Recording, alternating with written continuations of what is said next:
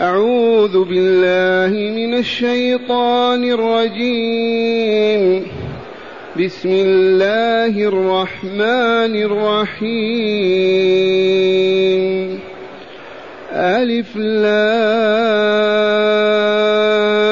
را. تلك آيات الكتاب الحكيم.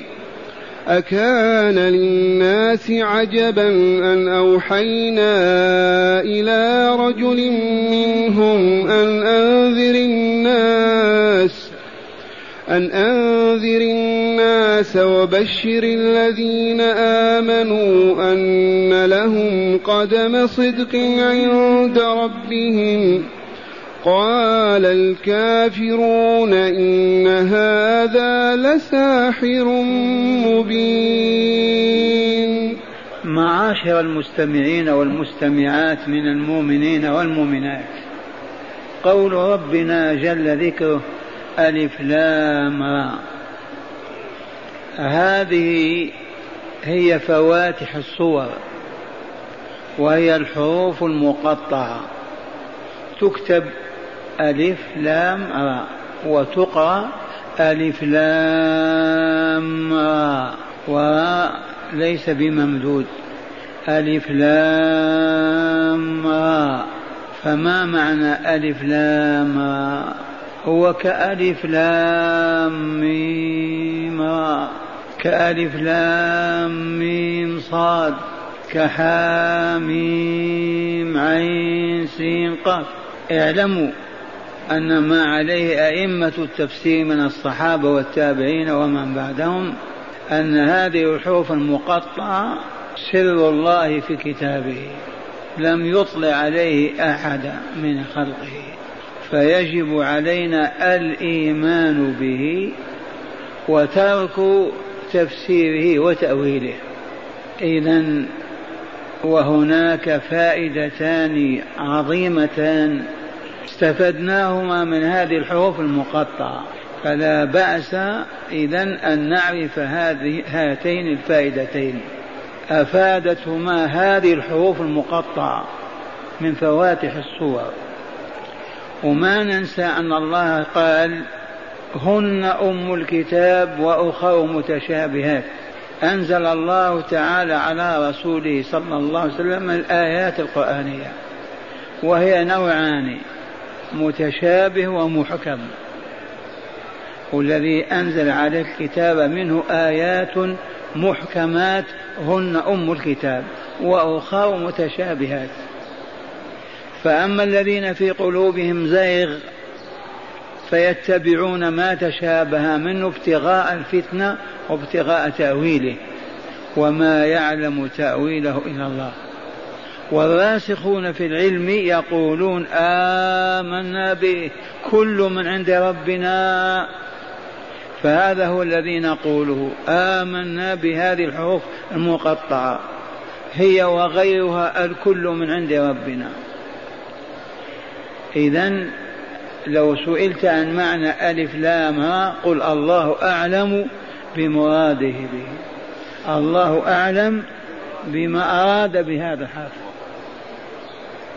تسلم. يبقى الفائدتان الأولى لما كان العرب المشركون يحاربون سماع القرآن ويعلنون رسميا في مكة أنه لا يسمح لمواطن أن يسمع هذا القرآن. ولو عثروا على واحد يسمعه ممن يتلوه كرسول الله أو أبي بكر لضربوه وآذوه. ويشهد لذلك قول الله تعالى من سورة فصلت وقال الذين كفروا لا تسمعوا لهذا القرآن والغوا فيه لعلكم تغلبون. أولا لا تسمعوا وإذا كان القارئ يقرأ صيحوا أنتم وتكلموا بألفاظ بذاء سوء حتى تصرف السامعين عن المعنى. لعلكم تغلبون. فمن تدبير الله عز وجل لما أعرضوا عن سماعه أنزل هذه الصور مفتتحة بهذه الحروف التي ما علموا بها وما سمعوها في لغتهم منذ أن كانوا. ما سمعوا من يقول ألف لام را أبدا. فلما كانت هذه الحروف محدثة جديدة ما سمعوا بها إذا سمع القارئ يقرأ ألف لام ميم. يصغي يسمع. مضطر إلى أن يصغي ليسمع. لأنه ما سمع هذا النغم ولا هذا الصوت أبدا.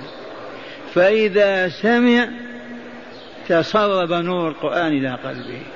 سمع الآيات بعد ذلك ويهتدي. وكم وكم من اهتدى. فهذه الفائدة الجليلة ما ننساها. لما كانوا يحاربون سماعه ولا يريدون أن يسمعوه من أجل أن لا يتسرب نوره إلى قلوبهم فيخرجهم من ظلمة الشرك والجهل والكفر لأنهم يحافظون على معتقدهم وعلى مركزهم بين العرب وجاهليتهم. الفائدة الثانية ما ننساها وهي أن هذا القرآن الذي تحداهم الله به فعجزوا. إذ قال وقوله الحق قل, قل لئن اجتمعت الإنس والجن على أن يأتوا بمثل هذا القرآن لا يأتون بمثله ولو كان بعضهم لبعض ظهيرا. وتحداهم بعشر صور. إن كنتم في ريب ما نزلنا إن كنتم في شك ما نزلنا لا من سورة هود عليه السلام. ويقول تعالى قل فاتوا بعشر صور مثله مفتريات. قل فاتوا بعشر صور مثله مفتريات أي مكذوبات. فعجزوا عن العشرة. فتحداهم بالصورة الواحدة. من سورة البقرة قال تعالى إن كنتم في ريب مما نزلنا على عبدنا فأتوا بصورة من مثله وادعوا شهداءكم من دون الله إن كنتم صادقين. فوالله عجز فتبين إذا أنه كلام الله ووحي الله وتنزيله ليس من كلام البشر. وإلا كيف تعجز البشرية عن مثله؟ كيف يعجز العرب وهم الفصحاء البلغاء عن عشر صور. يتحداهم قل فاتوا بعشر صور مثله. تحداهم بصورة فعجزوا. فكانت آية أن هذا القرآن كلام الله عز وجل وأن من نزل عليه وحيه رسوله صلى الله عليه وسلم. إذا ألف لام يقول تعالى تلك آيات الكتاب الحكيم. ما أتممناها. القرآن الكريم مكون من هذه الحروف وإلا لا؟ ألف لام صاد عين سين قاف. هذا القرآن مكون من هذه الحروف. إذا فأتوا بمثله. وهو مكون من هذه الحروف التي تنطقون بها. ما هو مكون بحروف ما سمعوها؟ ما اعتادوا النطق بها ما فهموها يكون لهم عذر. لكن هذه الحروف التي نزل بها القرآن هي الحروف التي يتكلم بها الرجال والنساء والأطفال. هذه الحروف الهجائية. فهذه الفائدة الثانية بما أنهم يتكلمون بهذه الحروف لم ما يأتون بكتاب أو بصورة من مثله يؤلفونها كما ألفها الله عز وجل. إذا ألف لام الله أعلم بمراده به. سر من أسرار الله تعالى لا نبحث عنها. هل هناك فائدتان عرفناهما؟ الأولى أن الله تحداهم بالإتيان بمثله وهو مركب من هذه الحروف فعجزوا. والثانية لما كانوا يكرهون سماعه خشية أن يدخل قلوبهم فيسلموا وضربوا عن سماعه ومنعوا السماع فجاء الله بهذه الحروف الجديدة الغريبة عنهم فإذا سمعها العربي أصغى رغم أنفه يسمع. كان ما يريد أن يسمع. لما يسمع ألف لام ميم صاد يمد عنقه ويسمع. فيذكر تعالى بعد الكتاب ذلك الكتاب والكتاب. ألف لام تلك آيات الكتاب الحكيم. المراد من الكتاب هنا القرآن الكريم. والحكيم بمعنى المحكم لا خلل فيه. والحكيم ذاك الذي يضع كل شيء في موضعه. فلا فلا خلل في هذا الكتاب الكريم. كل آيه كل آ كلماته كل حروفه خالية من الخلل والضعف لإحكام الله تعالى له. فهو محكم حكيم يضع كل شيء في موضعه. فيبين الحق. ويبين الباطل ويبين الهدى ويبين الضلال ويسعد العاملين ويشقي الخاسرين وهكذا يضع كل شيء في موضعه. هذا كتاب من؟ كتاب الله. ألف لام تلك آيات الكتاب الحكيم. أي الكلمات المركبة من هذه الحروف تلك آيات الكتاب الحكيم. ثم قال تعالى أكان للناس عجبا أن أوحينا إلى رجل منهم الاستفهام للتعجب. أكان للناس عجبا أيتعجبون من كوننا أوحينا إلى رجل منهم؟ والمراد من الرجل هنا نبينا محمد صلى الله عليه وسلم. والوصف بالرجولة وصف عند العرب عالي وجاء رجل من أقصى المدينة. رجل عظيم ما هو من سفلة الناس وساقطيهم. رجل عظيم منهم أي من قبيلتهم من بني هاشم من العرب من العدنانيين. ليس بعجيب أو غريب أن ينبأ الله رجلا منهم. فلو كان جاءهم من بلاد أخرى لهم أن يتعجبوا أو لا يقبلوا. لكن كيف يعجبون من كونه تعالى أوحى إلى رجل منهم؟ الواجب أن يفرحوا وأن يزغردوا أن الله اختارهم لهذه الرسالة واختار منهم هذا النبي لا أن يكونوا في كرب وهم وينكرون هذا ويتعجبون. وسر تعجبهم المحافظة على معتقدهم الباطل. وعلى أنظمتهم الهابطة وعلى سير في حياتهم البعيد عن الحق والفضيلة.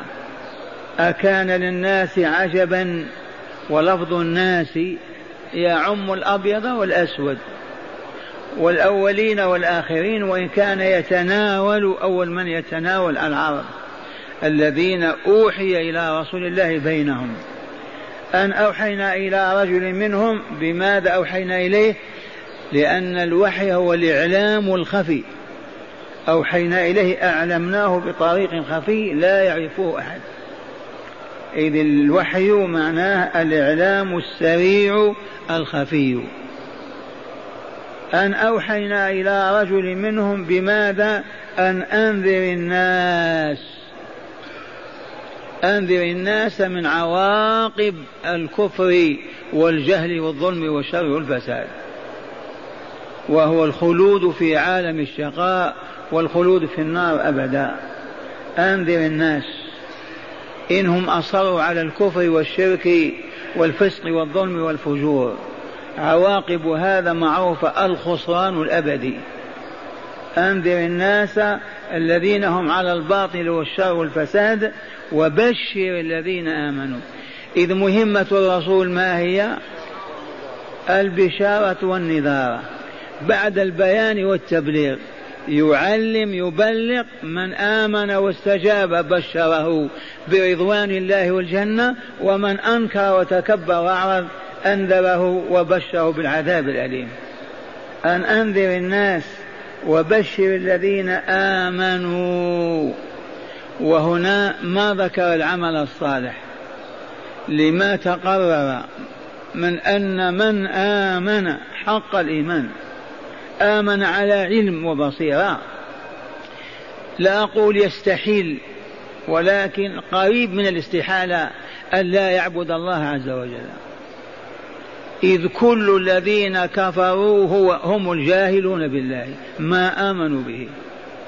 كل الذين يفسقون ويفجرون ويظلمون في الأرض هم الذين ما عرفوا الله تعالى ولا آمنوا به. فمن هنا قال الذين آمنوا وعملوا الصالحات تابع لهم. لا يمكن لأحد أن يؤمن حق الإيمان بالله وملائكته وكتبه ورسوله واليوم الآخر وما فيه من جزاء من خير وشر ثم يصر على الكفر والعناد. لن يكون هذا أبدا. فمن آمن عمل صالحا إذا آمن يسأل عن محاب الله ما هي حتى يقدمها لله.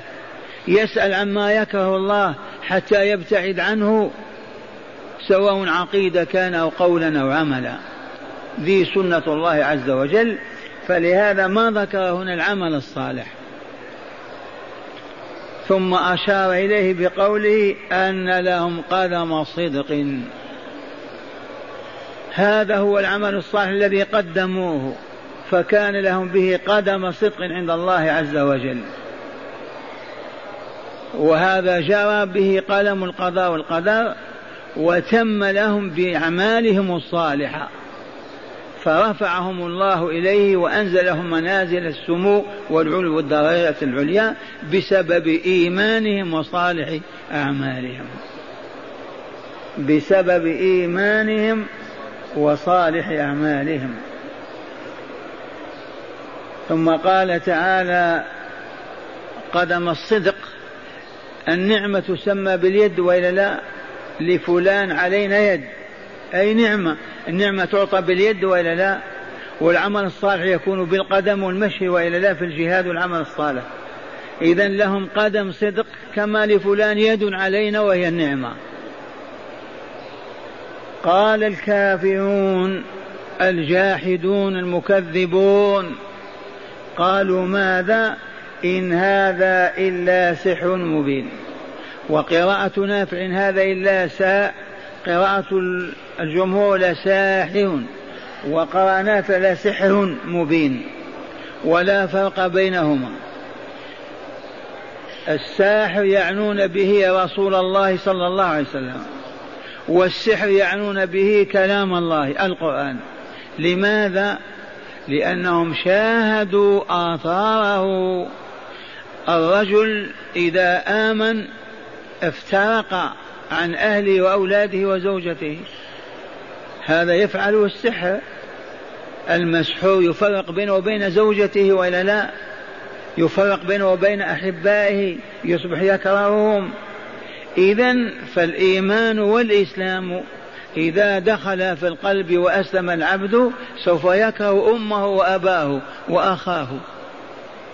ولا يحبهما بل ويبغضهما. أليس كذلك؟ فلما شاهدوا الرجل يسلم فيعادي أهله وذويه. قالوا إذا مسحور. كيف إذا قالوا هذا القرآن سحر؟ وآثاره واضحة أين فلان من فلان؟ ولده في حبشة وهو في مكة.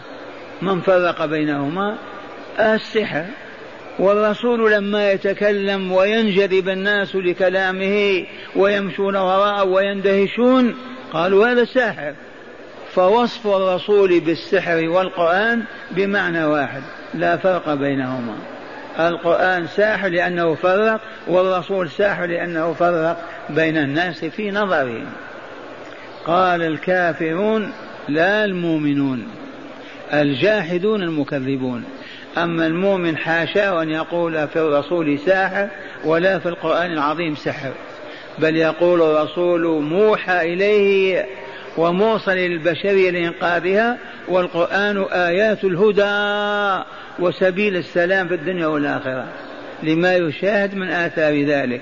لكن المغرضين الطامعين الراغبين في الحال والمآل والمنصب هم الذين يحاربون دعوة الله في كل زمان ومكان. للإبقاء على ما هم عليه.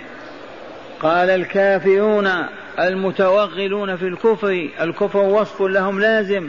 إن هذا الذي جاء به محمد والذي نزل به القرآن هذا لساحر مبين. إن هذا الرجل لساحر مبين. إن هذا القرآن لسحر مبين. قراءتان سبعيتان ولا تلحم فيهما. معنى الآيتين قال مما تعالجه الصور المكية. مما تعالجه لدوائه وشفائه وتصحيحه مما تعالجه الصور المكية قضايا التوحيد والوحي والبعث الآخر. كل الصور المكية من ألف لام إلى ألف لام ميم صاد إلى نون والقلم الصور المكية تعالج تعالج ماذا؟ قضايا من أهم القضايا. القضية الأولى التوحيد. حتى يوحد البشر ربهم فيعبدوه وحده. ثانيا إثبات الوحي وذلك أن القرآن أوحاه الله. ثالثا إثبات الوحي للنبي محمد صلى الله عليه وسلم وأنه رسول الله. ثالثا البعث الآخر وما يجري فيه وما يتم للخلق من نعيم أو من عذاب أليم. مرة ثانية. أقول مما تعالجه الصور المكية بضرب الأمثال وذكر القصص وما إلى ذلك. قضايا التوحيد والوحي والبعث. التوحيد هو أن لا إله إلا الله لا يعبد إلا الله. والوحي هو أن محمدا رسول الله. والبعث الآخر الإيمان بيوم القيامة وما يجري فيه وما يتم للخلق. إما من نعيم أو من عذاب.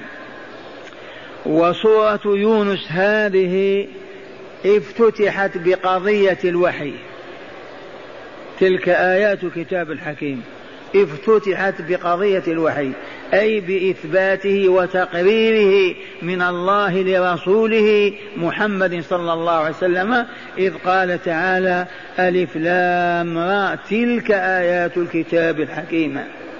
أي هذه آيات القرآن الكريم المحكم آياته المشتمل على الحكم الكثيرة حتى لكأنه الحكيم الذي يضع كل شيء في موضعه. وقوله تعالى أكان للناس عجبا أن أوحينا إلى رجل منهم؟ أي أكان إيحاؤنا إلى محمد عبدنا ورسولنا وهو رجل من قريش عجبا لأهل مكة يتعجبون منه؟ أي معنى العجب هذا؟ والموحى به هو أن أنذر الناس أي خوفهم عاقبة الشرك والكفر والعصيان. وبشر الذين آمنوا بأن لهم قدم صدق عند ربهم وهو الجزاء الحسن لما قدموا من الإيمان وصالح الأعمال. يتلقون ذلك يوم يلقون ربهم في الدار الآخرة. فلما أنذر وبشر صلى الله عليه وسلم قال الكافرون هذا سحر مبين هذا ساحر مبين. ومرة قالوا ساحر مبين. وقولهم هذا لمجرد دفع الحق وعدم قبوله. لا أن ما أنذر به وبشر ما أنذر به وبشر هو سحر. لا والله. ولا المنذر المبشر هو ساحر لا والله وإنما هو المجاحدة والعناد والمكابرة من أهل الشرك والكفر والباطل والشر والفساد. وهذه الصفات موجودة في البشر إلى يوم الدين. كل من ينكر الحق والفضيلة لا بد أن يدفع بما يشاء. هداية الآيتين. من هداية الآيتين أولا تقرير عقيدة الوحي بشهادة الكتاب الموحى به. تقرير عقيدة الوحي ما الوحي هذا؟ إخبار الله تعالى بواسطة جبريل أو بما يلقي في روع سيد المرسلين. الإعلام الخفي تقرير عقيدة الوحي بشهادة الكتاب الموحى به. تلك آيات الكتاب الحكيم. ثانيا إثبات نبوة محمد صلى الله عليه وسلم وتقريرها بالوحي إليه. كيف يوحى إليه ما يكون نبيا؟ من يكون نبيا إذن؟ الموحى إليه هو النبي والرسول. ثالثا بيان مهمة الرسول صلى الله عليه وسلم وهي النذارة والبشارة. بعد البيان بعد البلاغ وينذر من تخلف ويبشر من أقبل. أقبل على ماذا على الإيمان والعمل الصالح والآخر أدبر على ما عاد إلى الشرك والكفر. رابعا بشرى أهل الإيمان والعمل الصالح بما أعد الله لهم عند ربهم. أليس قدم صدق عند ربهم؟ خامسا عدم تورع أهل الكفر عن الكذب والتضليل. إلى الآن. أهل الكفر ما يتورعون عن الكذب والتضليل أبدا. يضللون ويكذبون. إلى الآن وأوضح ذلك إذاعة لندن. واسمعوا إذاعاتهم.